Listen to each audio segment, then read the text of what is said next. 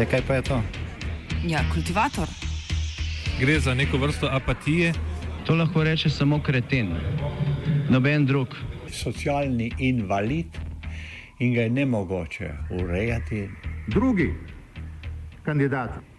Pa, pa pije, kadi, masturbira, vse kako ti lahko reče. Nihče tega ne ve. Vsak petek skultiviramo dogodek tedna. Lahko po kriterijih radio študent, težko pa po evropskih kriterijih. Ampak na drug način, kot vi to mislite. Kultivator vedno užge. Da pač nekdo sploh omenja probleme, ki so, in da pravzaprav sploh nekdo sproži dogajanje uh, v družbi. To drži, drži.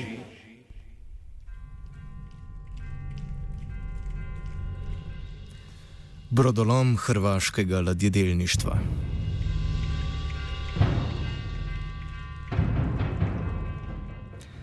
V Pulju je včeraj pod geslom Ne damo uljanik, ne damo pulu potekalo zborovanje v podporo delavcem pulske ladjedelnice Uljanik in proti načrtovanemu prevzemu podjetja. Po mnenju inicijative za obrambo Uljanika, prevzem ladjedelnice pomeni konec dolgoletne tradicije ladjedelništva v Pulju in odprto pot za izgradnjo turističnega središča. Več o protestu pove Goran Matič iz organizacije Radnička fronta Pula. Okupilo se oko 300 stanovnika Pule, radnika i radnica Uljanika, ali, ali i pod njihovih podržavatelja. Glavni, glavne poruke prosvjeda bile su da je nužno pod svaku cijenu na bilo koji način sačuvati brodogradnju u Puli, u Uljaniku, u ovom opsegu u kojem je ona i sada, te ju nastaviti i razvijati, što je došlo pod prijetnju s obzirom na najavljenu nužnu dokapitalizaciju i moguće preuzimanje od strane pojedinih strateških partnera koji nemaju interesa ulagati pretjerano u brodogradnju, već iskoristiti atraktivno, atraktivne lokacije brodogradilišta Uljanik i graditi turističke, turističke sadržaje. Delničari pulske ladjedelnice Uljanik so danes na izredni skupščini izglasovali sklep o dokapitalizaciji podjetja. Za podjetje se sedaj išče strateški partner. Za zdaj so pisma o nameri poslali hrvaški podjetnik Danko Končar in italijansko podjetje Palumbo Grupa. Več o dogajanju na skupščini pove Gino Šverko, sindikalist iz sindikata Metalaca Hrvatske. Dakle, danas se na skupštini raspravljalo u prvom redu o tome da e, se izglasala dokapitalizacija e, Uljanika, odnosno da ulazak strateškog partnera budućeg, tako da je konačno izglasano recimo da, da može, može ući neki investitor koji bi e, malo dokapitalizirao Uljanik, odnosno malo nas brine u sindikatima diversifikacija koja se spominja, to je znači da se malo promijeni djelatnost u smislu nekih marina, turizma i slično. U svakom slučaju ohrabruje to da ćemo biti, da smo dakle to izglasali, je to bio nužan preduvjet da ne idemo u stečaj. A sljedeće što nas očekuje svakako odabir tog strateškog partnera kad se javi mi kao socijalni partneri, sindikati ćemo imati svakako e, priliku da kažemo svoje mišljenje ili u tom odabiru neće biti sigurno jedino, jer tu se pita i vlada koja ulaže mnogo novaca i e, upravo vlada, nadzorni odbor, ali svakako i socijalni partneri. Načrt prestrukturiranja podjetja trenutno ni dostopen javnosti. Tajnosti dokumenta so naklonjeni tudi trije sindikati, ki delujejo znotraj Uljanika, to so sindikat Metalaca Hrvatske, sindikat Istre Kvarnera in Dalmacije ter Jadranski sindikat. Pojasni Matič. To je zato što je Uljanik privatna firma, formalno, jel ono dioničko društvo, i onda se oni tu naravno uvijek mogu pozivati na, na poslovnu tajnu. Ono što je tužno u trenutnoj situaciji da na takvu doktrinu tajnosti u biti pristaju i sindikati, te se opiru na suradnji sa vanjskim, vanjskim inicijativama i solidarnim građanima, te tako da i dalje ne znamo točno šta u tom planu piše, no sindikati su ga naravno dobili na uvid i oni ga odbacuju, a naravno onda ih mi u tome sigurno i podržavamo. Med tremi sindikati se vse skozi pojavljajo nesoglasja in tako so skupaj za pogajalsko mizo prvič nastopili šele ta teden. Igor Lasič, novinar portala Novosti, nesložnost sindikatov vidi kot enega glavnih problemov delovskega boja.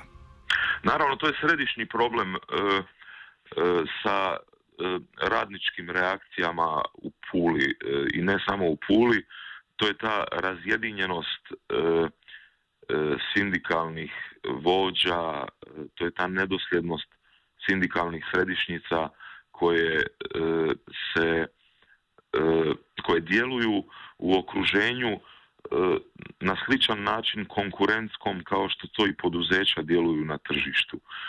Dakle, oni se oni su stavljeni u kontekst u kojem se bore za članstvo i za reprezentativnost svojih sindikata i već ta pretpostavka u njihovu odnosu u velikoj mjeri muti vodu i, i kvari mogućnosti za radničku borbu koju sindikati ipak imaju. Oni jako teško, očito jako teško nadvladavaju tu kompetitivnost koja im je nametnuta.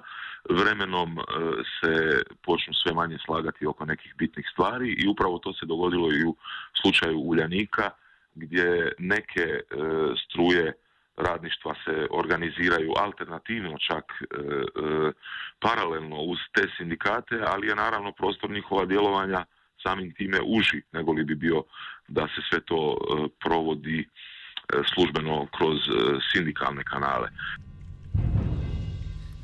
V Uljaniku so zaradi neizplačila plač januarja napovedali stavko, ki pa so jo sindikati na to preklicali. Približno 200 delavcev Uljanika se je zaradi razočaranja nad delovanjem sindikatov odločilo za protest pred upravno stavbo podjetja. Tanja Tomič iz inicijative za obrambo Uljanika meni, da bi morali delavci ustanoviti novo sindikalno telo oziroma zamenjati predstavnike sindikatov, ki delujejo delavcem v škodo. Da su u Uljaniku već postojala tri sindikata koji su između sebe bila posvađana. Jedan od tih sindikalnih vođa koji je bio u nadzornom odboru je dao prije štrajka otkaz da bi se ovaj, saznalo da je on sada postavljen na novo mjesto e, gospodarskog nekog upravljanja Istarske županije za pitanja, neka socijalna pitanja. Tako da je, znači sva su tri sindikata, jedan je bio odbio onda e, e, prijedlog da se štrajk obustavi. Ja mislim da je to bio Jadranski štrajk, Jadranski sindikat, E, a ostala dva koja su pristala, e, radnici su jako ljuti na njih, e, makar govorimo o, o Uljanikovcima, one koje, koji imaju svoj sindikat, jer kooperante niko ne predstavlja. Ono što je problem i što je rečeno jučer na prosvjedu je da bi radnici Uljanika, oni koji imaju i dionice, znači od tih 47%, trebali osnovati neko novo tijelo ili djelovati na te sindikate koji ih predstavljaju su kojima nisu zadovoljni, e, smijeniti njihovo čelo i postaviti ljude ko, u kojima vjeruju. Ali je jednostavno to, sad sve ove promjene su se dogodile previše brzo i radnici Uljanika nisu toliko dobro organizirani da su to uspjeli napraviti na vrijeme. Zapravo je i taj štrajk koji se je dogodio, koji su onda sindikati suzbili, bio je jedini način na koji su oni u stvari mogli pokazati svoje nezadovoljstvo. Koje je izgledalo na takav način da su se radnici direktno obraćali svojim direktorima i ljudima koji su ulazili u upravu, direktno ih pozivajući na odgovornost. Ali tada su kao odgovor čuli klasična izmotavanja, kao vidjet ćemo, imamo mi vaše interese na umu i takve stvari. Ali njihov nezadovoljstvo, bijes i stvarno razočaranje u to u upravu je evidentno. Trenutno imajo 47 odstotkov delnic Uljanika v lasti delavci in mali delničarji. Po današnji dokapitalizaciji pa bodo imeli v lasti le še okrog 10 odstotkov delnic, opozarja Matič. 47% dionica posjeduju privatni mali dioničari. Koja je njihova struktura, to se točno ne zna. definitivno se zna da nisu to sve radnici ni, niti izbliza ili ima tu i uprave, menadžera i tako dalje čak u ovom, u ovom scenariju koji, koji, se, koji će se izgleda dogoditi, nije ni bitno da li će mali dioničari prodavati svoje dionice. Dokapitalizacija će značiti emisiju još otprilike za tri puta više dionica nego što trenutno ima i one će biti samim time obezvrijeđene i i, i jel, vrijednosno u, novčanoj protuvrijednosti, ali i po, po udjelu. Znači taj udio od 47% će do kapitalizacijom bude li ona izglasana i uspješna pasti na otprilike 10%. Tako da nikako biti ne mogu ni spriječiti mali dioničari ulazak tog strateškog partnera i preuzimanje.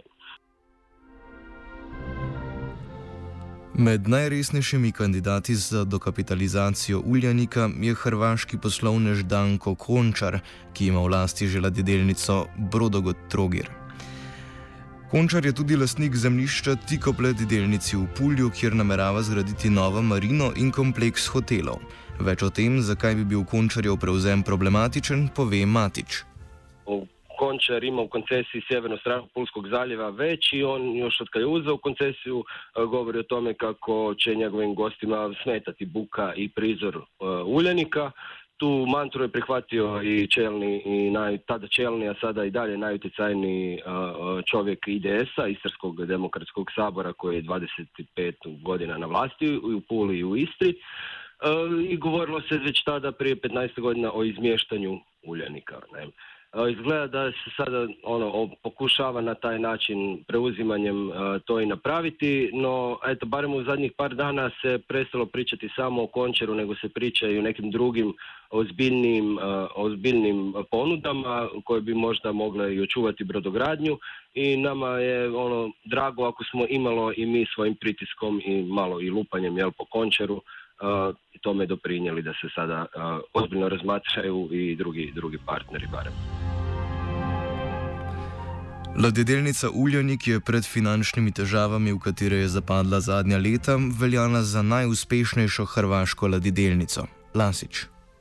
Uljanik je zaista bio najuspješnije hrvatsko brodogradilište u onoj fazi dok su ostali bili još uvijek opterećeni velikim utjecajem utjecajem kooperanata i loših uprava e, koje su postavljene od strane države e, sve te godine dok je e, brodogradnja bila još uvijek državna nakon, nakon gašenja socijalizma.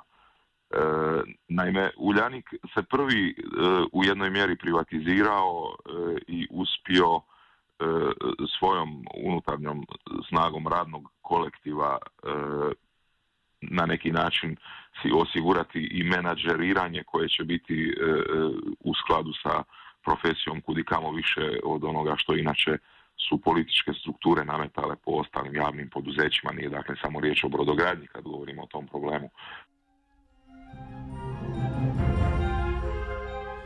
Težave pulske ladjedelnice so se začele leta 2013, ko so za ceno ene kune prevzeli reško ladjedelnico 3. maj, ki je bila tik pred zaprtjem. Z druge strani so ostali e, veliki 3. maj v Rijeci i Brodosplit u Splitu. 3. maj je umeđu vremenu priključen Uljaniku i tu je negdje e, počelo otprilike e, i nazadovanje samog Uljanika kad je preuzeo 3. maj koji je bio E, poduzeće u problemima, ali sa dobrom knjigom narudžbi brodova i sa, što je najvažnije, e, sa e, značajnim beneficijama koje je država obećala Uljaniku nakon preuzimanja 3. maja iz Rijeke. Ali razno razne okolnosti u poslovanju narednom periodu, dakle proteklih par godina, su dovele Uljanik na poziciju najneuspješnijeg sada već hrvatskog brodogradilišta, iako ih više nema toliko puno u konkurenciji da bi se to moglo na neki način e, rangirati smislenije. E, Uljanik je e, uslijed određenih loših poteza uprave i uslijed nepovoljnih okolnosti novo nastalih na tržištu u Europi i u svijetu E, dospio u situaciju dugovanja većeg iznosa novca. E, mislim da je mislim da je riječ o nekih 350 milijuna eura minusa posljednjih pet godina, jer to je nekih 88 milijuna eura negative i oko 270 milijuna eura obaveza, sve skupa oko 350 milijuna.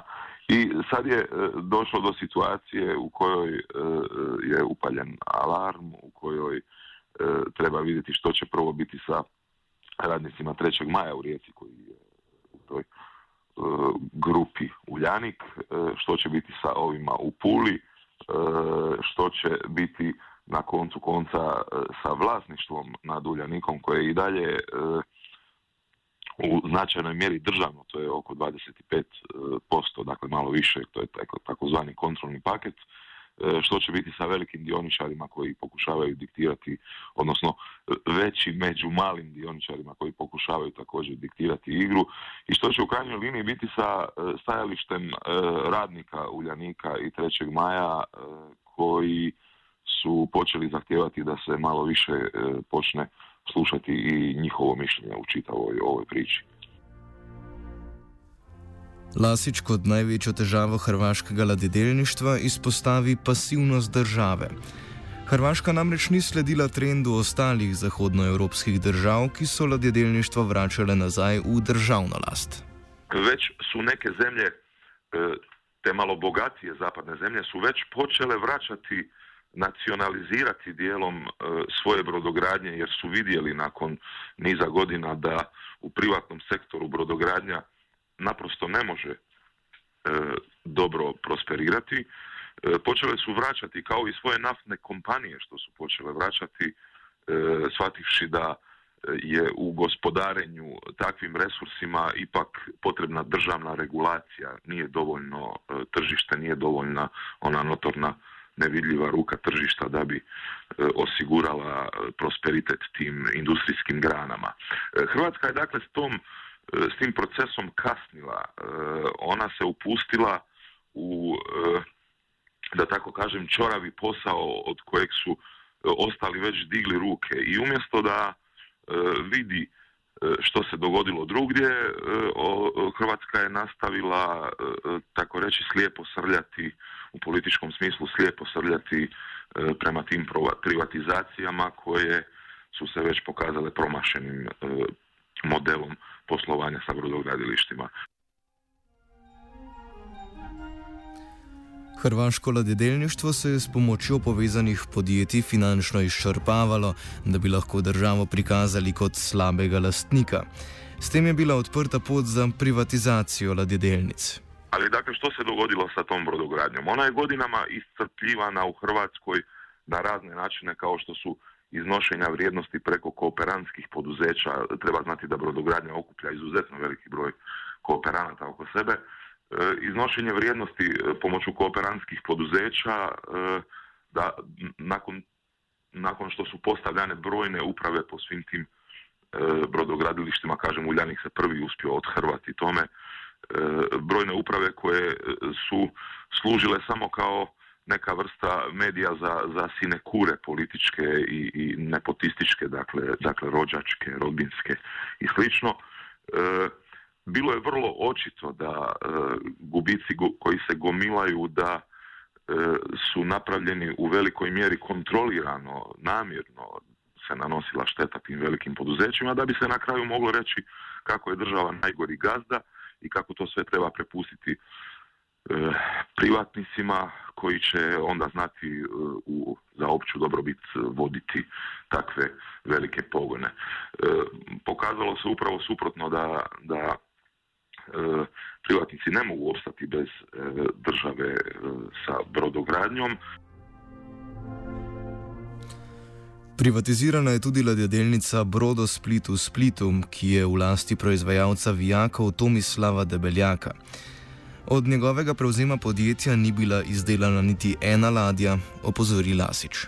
Brodosplit je povjeren uh, jednom industrijalcu koji je uh, zapravo veliki proizvođač šarafa, vijaka, ja? uh, što, što na neki način i simbolički odaje uh, zanimljivu sudbinu brodogradnje u Hrvatskoj, dakle najsofisticiraniji proizvod industrijski kao što je brod, odjednom dospjeva u ruke industrijalcu koji je e, po šarafima, po, po vicima e, postao uspješan i doista nakon toga Brodosplit zapada u stanje neke vrste letargije u brodograđevnom smislu.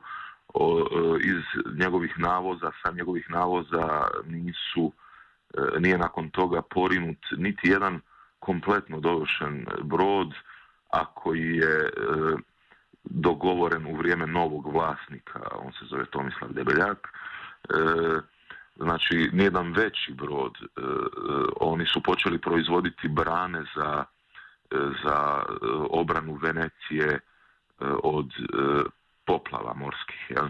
To je veliki projekt u kojem su za tri godine uspjeli namaknuti nekih 70 milijuna eura prihoda, ali to još uvijek nisu brodovi, to, tu nema velike dodane vrijednosti i te brane se mogu proizvoditi e, na mnogo mjesta, međutim brodovi kakvi su se proizvodili u Brodosplitu se ne mogu proizvoditi zaista na puno mjesta. Hrvaška vlada je pred petimi leti z Brodosplitom podpisala petletno pogodbo o prestrukturiranju podjetja. Debeljak je po podpisu pogodbe začel z ustanavljanjem povezanih podjetij, med katerimi ima eno od podjetij sedež na Maršalovih otokih. Hrvaška je Brodosplitu kljub temu izplačala obljubljena finančna sredstva. Da, država je podpisala uh, ugovor uh, pod pod nadzorom Europske komisije, naravno, koja diktira sve to, inače diktat, e, vrlo, vrlo negativan diktat Hrvatska benevolentno i nekritički pristaje. Dakle, država je uz nadzor Europske komisije potpisala ugovor sa novim vlasnikom Brodosplita i u tom ugovoru je regulirano koliko će obaveza snositi država u periodu restrukturiranja, a što mora napraviti novi vlasnik. Međutim, u tom ugovoru imamo svega deset povezanih firmi unutar Brodosplita koje se uzimaju u obzir, ali tih deset firmi odjednom u nekom trenutku pada u drugi plan i Debeljak polako počinje osnivati nova povezana trgovačka društva. E, na koncu ih je oko 55, ja nisam siguran 55 ili 56, ovaj, do danas e, neki od njih se nalaze e, na maršalskim otocima i država radi naravno izbjegavanja plaćanja poreza državi. I nakon toga država svejedno isplaćuje debeljaku i tom izvjesnom povezanom poduzeću na maršalskim otocima isplaćuje subvencije na koje se obavezala bez e, imalo odnosa prema činjenici da to isplaćuje dakle javni novac e, budžetski isplaćuje firmi koja je registrirana na maršalskim otocima da bi izbjegla porez toj istoj državi. Državni revizorji so pri poslovanju Brodo Splita tri leta zapored odkrili, da so bila sredstva porabljena nenamensko. Državne revizije su tri godine e, za redom nalazile uh, sasvim e, neprihvatljivu sliku poslovanja Brodosplita koji je i dalje vezan uz državu u kojem je država ukupno isplatila gotovo milijardu i pol kuna ili, ili koliko to dođe e, ovaj 200 milijuna, ako dobro govorim 200 milijuna eura jel, ovaj, u, u tih nekoliko godina. E, sredstva su trošena nenamjenski. Ako ne izlaze brodovi sa navoza, a knjiga narudžbi e, skuplja prašinu, iako ima dosta tih narudžbi, ako ne izlaze novi veliki brodovi koji su u cijelosti završeni e, u Brodosplitu, da Evropska komisija je v okviru pogajanja o pristopu Hrvaške Evropski uniji zahtevala, da hrvaške ladjedelnice zmanjšajo obseg proizvodnje. Lasič to potezo vidi kot zaščito ladjedelnic v Zahodnji Evropi, katerim hrvaške ladjedelnice predstavljajo konkurenco. Evropska komisija dakle postoji bojazan da će ipak prihvatiti ovaj proces bez obzira na sve njegove mane i promašaje i dubioze, baš zbog toga da bi pustili da e, se u interesu nekih većih brodogradnji koje se oporavljaju u Europi da se e, ova ovdje brodogradnja e, uništi do kraja. Ne Evropska komisija je 22. januarja hrvaški vladi odobrila 96 milijonov evrov posojila za pomoč Uljaniku. Lasič trdi, da ta kredit ni rešitev za probleme ladjedelništva. V ozadju posojila namreč ni nobene strategije za izboljšanje stanja v hrvaškem ladjedelništvu. Uvijek e, kad je e, riječ o sličnim procesima, oni nisu, uh, oni nisu kako da kažem monolitni, nisu, nisu jednoznačni i uh, nisu, nisu sasvim linearni. Dakle, taj proces restrukturiranja petogodišnji je ipak napravljen kao neka vrsta, neću reći mimikrije, ali oblande, obloge za proces, dakle kulise možda za, za proces u koji nitko baš pretjerano ne vjeruje. Nitko ne vjeruje da će brodogradnja u privatnom sektoru opstati u ovom opsegu u Hrvatskoj kao što je bila prije dok je bila povezana sa ostatkom industrije. E, nitko u to nije vjerovao pa ni Europska komisija, međutim ipak se mora, budući da je riječ o desecima tisuća radnih mjesta povezanih e, računajući skupa ova kooperantska poduzeća koja sam malo prije spominjao, ipak se to ne može odjednom ukinuti, ne može se prelomiti preko koljena i, i e, preko noći nešto ugasiti ili pretvoriti u nešto treće. E, potreban je višegodišnji proces, e, potrebna su potrebni su raznorazni politički igrokazi, potrebni su stvaranje impresija da se netko nešto doista trudi, da želi, da, da nastoji, iako na početku i na kraju imamo potpuno absurdne e, odluke, potpuno absurdna gledanja, neodrživa gledanja na, na, na čitavu problematiku. I zato dolaze, od tuda i dolaze sva ta državna jamstva, na brodogradnju je u ostalom su potrošene milijarde eura umeđu vremenu, koliko god je ona posredno donosila u državni budžet, ona ima taj visoki koeficijent povrata e, novca u, u državni budžet. E, ovih 96 milijuna koje spominjete državnih jamstava su pritom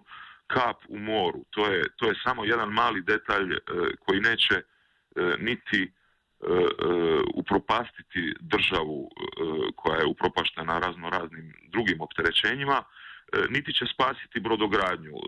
Tu se stvara dojam da se nešto privremeno krpa, da se nešto popravlja improvizirano, da bi se kupilo još malo vremena, a e, nikakvog strateškog pomaka neće biti od tih 96 e, milijuna.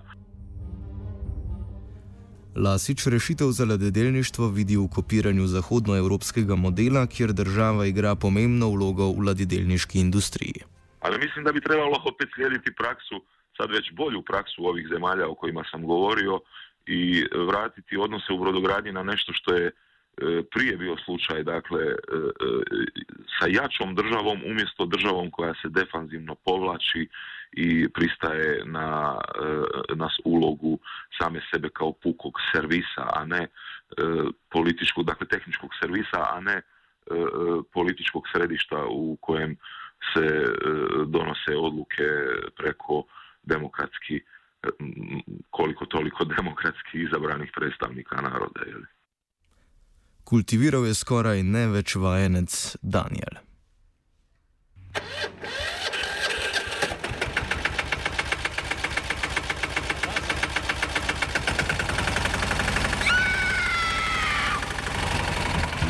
E, kaj pa je to? Ja, kultivator. Gre za neko vrsto apatije. To lahko reče samo kreten, noben drug. Socialni invalid in ga je ne mogoče urejati.